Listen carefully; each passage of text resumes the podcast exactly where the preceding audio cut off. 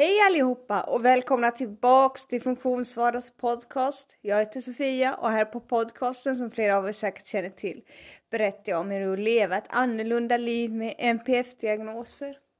Och tänk, det har redan blivit måndag. Tänk vad tiden går fort. Man kan knappt tänka sig det. Det är bara några dagar kvar tills påsken. Brukar ni göra något särskilt till påsk? I min familj, eller med mina föräldrar, så har jag ett lite roligt påskminne som jag tror jag alltid kommer bära med mig. För min familj är från början från Stockholm och vi, min familj flyttade till Skåne när jag var, vad var jag då? Sex, sju år, jag kommer inte riktigt ihåg, men där runt omkring. Och här i Skåne har de en tradition med ägg. Det finns inte i hela Sverige. Det är därför jag berättar om traditionen. Att man pickar och rullar ägg. Man kokar ägg och så ska man rulla dem ner för en backe. Det är själva äggrullningen då. Och se vilket ägg som kommer längst. Och den som kommer längst vinner tävlingen. Och sen finns det även det som kallas äggpickning. Att man slår ägg mot varann och ser vilket ägg som håller längst. Så blir det en spricka i ägget så förlorar man och åker ut tävlingen. Men första året när min familj precis hade flyttat ner så fick reda på att man hade äggpickning och äggrullning i skolan där jag gick så tänkte de det ska vi testa på också. Och just då så hade vi gäster från Stockholm på besök och mina föräldrar ville lära ut lite skånska traditioner. Så då börjar de med att åh, vi ska visa hur man gör här i Skåne. Vi ska äggpickning och äggrullning. Det var bara det att de hade missat poängen med att man ska koka äggen.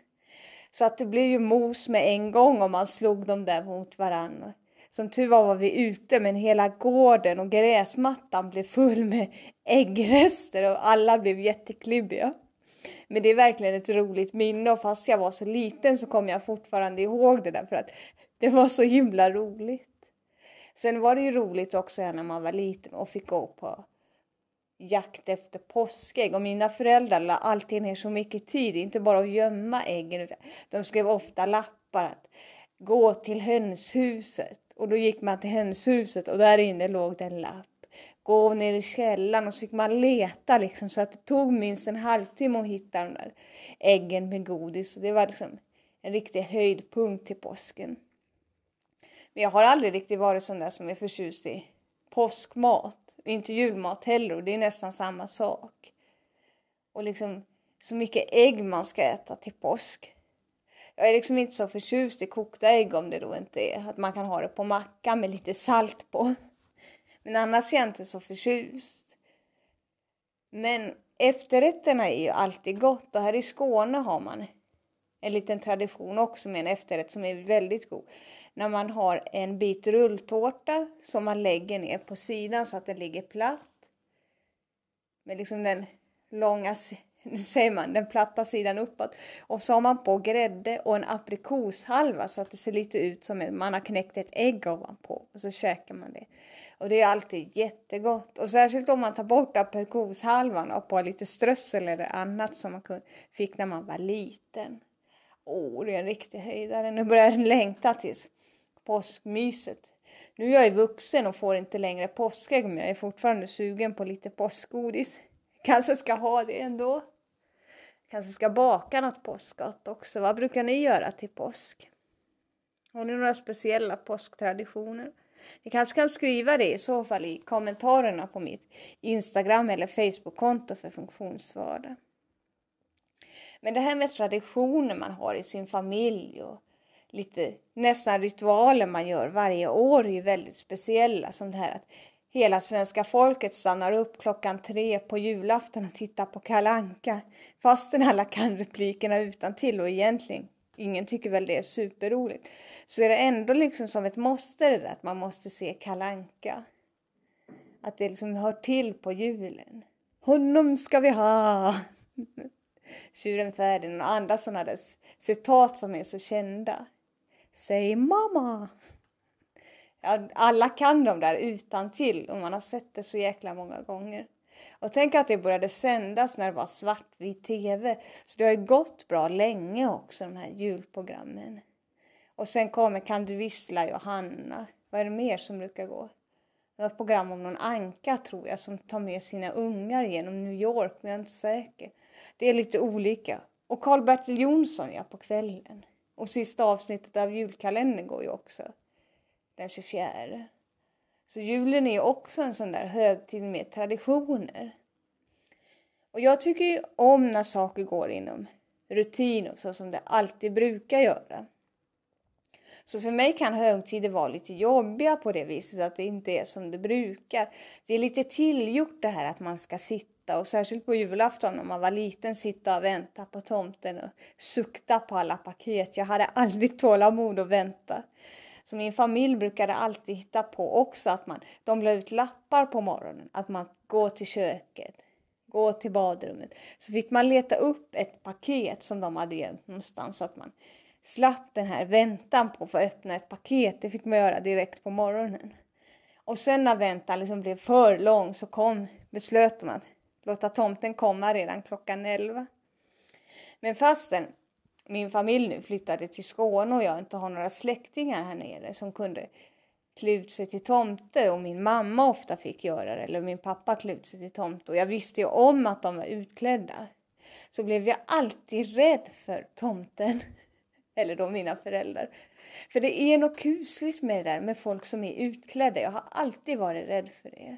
Och på när man har varit på någon ja, marknad eller sådär och det är någon utklädd så har det hänt att jag har stått och stirrat jättemycket och nej, där är, ja nu vet jag inte men där är den där utklädda.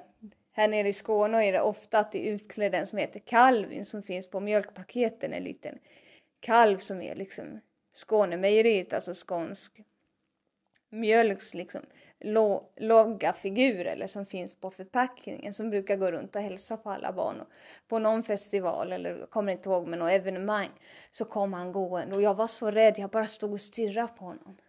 Och han trodde ju, eller hon, nu vet jag inte vem det var som var innanför dräkten, trodde ju att jag stod och stirrade för jag ville ha en kram och kom gående mot mig. Och jag minns det fortfarande som i slow motion, de här stegen, sakta, sakta, sakta kom närmre.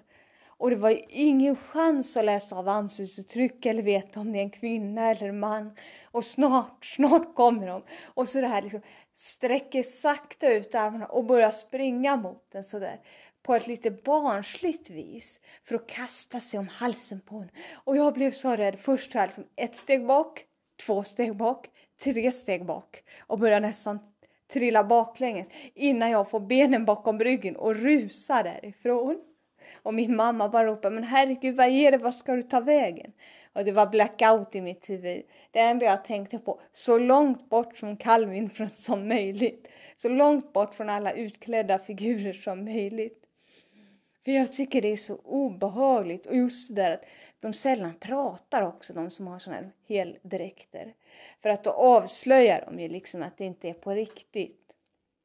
Och det här med när man var liten, just min skräck för tomten kom från en gång när tomten hade kommit på julafton och jag var på den tiden när jag var riktigt liten och trodde på tomten. Och dagen efter gick ur lägenheten min familj bodde i och skulle hoppa upp i min barnvagn för jag var så pass liten. Och där i barnvagnen låg tomtens skägg. Han hade tappat allt skägg i barnvagnen. Och kära någon vad rädd jag blev. Fast jag inte minns det liksom ordagrant eller liksom nu säger man inte ordagrant, men minns det som min mamma berättade om det här och jag vet att det är det som har satt spår i mig att jag var så rädd för tomten. För den som hade varit tomte det året hade väl precis utanför dörren bytt om och bara glömt ta bort skägget. Men det var ju värsta skräcken för mig och började väcka tanken, är det inte en tomte på riktigt, vem är det då som kommer knatande till alla barn och säger, finns det några snälla barn? Nej, det var riktigt kusligt och efter den julen, i flera år efteråt, så fick min mamma sätta upp en liten skylt på dörren bara för att lugna mig där det skrev, stod något liknande eller var skrivet att Snälla tomten, lämna paketen utanför dörren. Kom inte in. Vi är så rädda för dig. Eller hon kanske inte skrev att jag var rädd för tomten men att vi inte ville att han skulle komma in och det lugnade mig väldigt. Men jag tror också att skräcken för tomten var att någon kom innanför en svärm i mitt hem var jag så trygg. Det är liksom ens trygga svärm liksom där man känner sig riktigt hemma och kan vara sig själv och man vet vad som händer, man vet vilka som finns där.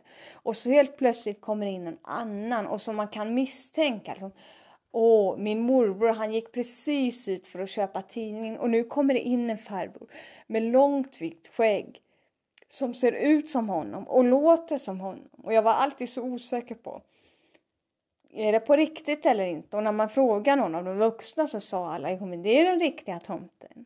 Men jag insåg ju innerst inne att det inte kunde vara det. Och det är liksom lite det här kusliga att man inte riktigt vet var man har folk. Och just eftersom jag har min autismdiagnos och har svårt att läsa av folk annars också så blir det nog extra svårt när jag ser någon som är utklädd. Så jag var rädd också när man sa det där att nu när påsken närmar sig när man var liten. Och då kommer påskharen och jag tänkte, måtte det inte vara någon som är utklädd till hare för då, då vill jag inte ha något godis. Men det var det aldrig. Och mina föräldrar sa alltid när man var ute och åkte innan påsk och såg en hare på åken. Åh, där har vi påskharen och då insåg jag, ja vilken tur. Det är en sån hare de menar. De menar inte att det ska komma någon som är utklädd. Men det är lite spännande det här för att återgå till temat där med traditioner och att vi i Sverige alltid äter samma mat till midsommar och till påsk och till jul. Och jag har aldrig riktigt varit förtjust i någon av de här rätterna. Det ska vara sill och lite slibbig mat. Alltså, kokt potatis som alltid är lite överkokt. Nej, det är inte riktigt min höjd. Där kan man inte ha tacos istället eller pizza eller något annat. Om jag får barn någon gång ska jag införa den traditionen med påskpizza. Ah, fast jag vill inte ha ägg på den. I så fall godis. En godispizza. Ja, det kanske inte hade varit så bra förebild som för en barn och särskilt om en barn också har någon form av NPF-diagnos och bör undvika godis. För det är ju en faktum som kanske inte så många känner till med det här med NPF-diagnoser är just det att många med ADHD är känsliga mot godis och då menar jag inte att man är känslig att man blir allergisk mot godis men man är extra känslig mot det här söta i godis och kan bli väldigt spiden. Som jag nämnde i något tidigare avsnitt så är ADHD liksom att man är, det jag beskrev det lite som en våg, att man, antingen är man högt uppe eller lågt nere i sina känslor, det svajar så här. Och det är det som ADHD-medicin ska försöka liksom hjälpa till och jämna ut lite grann, att man inte ska få de här riktigt stora vågorna. Men tar man då och käkar massa godis eller dricker massa läsk. Det påverkar ju alla att man får energi som gör att man får snabb energi men det varar ju inte så länge utan sen sjunker det liksom och så blir man hungrig igen och extra sliten. Men har man ADHD så påverkas man ofta extra mycket av det här sockret och får jättemycket energi och liksom stiger upp, nu tänker jag vågen igen, högt, högt upp. Och sen dalar man snabbt ner när det här sockret går ur kroppen och hamnar långt ner och nästan som i en liten svacka. Så därför kan det vara bra att undvika allt för mycket godis och sötsaker. Och jag vet själv att jag är ganska beroende av sötsaker. Så nu sitter jag själv och tänker på, jag har lite godis kvar i en skål bakom mig. Jag bör nog ta lite godis för att det är ju verkligen sån här snabb energikick och något som min hjärna lite grann är beroende av. För när jag är sliten och trött, vilket jag ofta är på grund av mina NPF-diagnoser, så är ju godis en snabb genväg dit. Och när man är lite äldre är det också vanligt med de med ADHD att man blir beroende av energidrycker. För det är ju också någonting som ger en snabb energi det här med koffein. Men det varar ju inte heller så länge och är inte så bra att dricka för mycket av. Så man får vara lite försiktig med vad man stoppar i sig nu, särskilt i påsktiden nu när det är lite mer onyttigt. Men med de orden sagt så ska jag faktiskt vara ärlig och säga att jag tänker stoppa i mig massa godis ändå. Det är ju så gott. Bara man äter i rätta mängder säger jag. Rätta mängder varje dag? Nej, det gör jag inte men men man får väl tänka lite grann på hur man ja, vad man stoppar i sig helt enkelt. Och hur man firar sina traditioner om man själv har barn med NPF-diagnos eller lever med någon som har NPF-diagnos och tycker det är jobbigt nu i de här högtiderna där rutiner bryts och vara tydlig med vad som komma skall och vad som förväntas och kanske säga att men klockan tio så kommer påskharen så man slipper sitta och vänta eller och om man har svårt med tid ha en time timer som visar. Det är en, ett hjälpmedel som finns som visar att tiden går eller visar på mobilen kan man också ladda ner tidshjälpmedel eller ha ett schema kan vara bra med bilder, särskilt om man är barn kan det vara bra med bilder på ett schema där man ritar upp att nu är det påskmiddag, nu kommer gästerna. Så att man tydligt ser vad som händer och efter varje sak som har hänt så kan man plocka ner den bilden. Och så ser man nästa då. Och ja, men vad händer härnäst när jag har ätit min påskmat? Ja, men då kan jag gå och leka. Och fast jag är vuxen nu så har jag också det att jag använder mycket scheman och planering. Även om jag inte är så bra på att skriva upp allting jag ska göra så försöker jag verkligen få in mina rutiner och nu när det är specialhögtider också, annat som händer. Så att jag har koll på vad som väntar så att jag ska må mindre dåligt och vara orolig över vad som komma skall. Men nu ska jag ta avsluta det här podcastavsnittet med att önska er alla en riktigt, riktigt god, det kändes som jag skulle säga jul, men påsk hoppas ni får det fantastiskt. Och jag kan berätta för er att vi har lite grann att se fram emot på Youtube-kanalen. Jag har en liten specialvideo med, med en intervju som är inplanerad, men jag vill inte säga för mycket, men det är något jag verkligen längtar till. Och sen har vi också nu 2 april ett specialavsnitt där jag och en kollega berättar om hur vi upplever att leva med autism. För 2 april är det världsautismdagen, så jag hoppas att ni tittar på den videon och tycker den är riktigt rolig och att ni lyssnar på nästa podcastavsnitt också förstås. Men ta hand om er nu och ha en riktigt trevlig påsk. Tack för mig!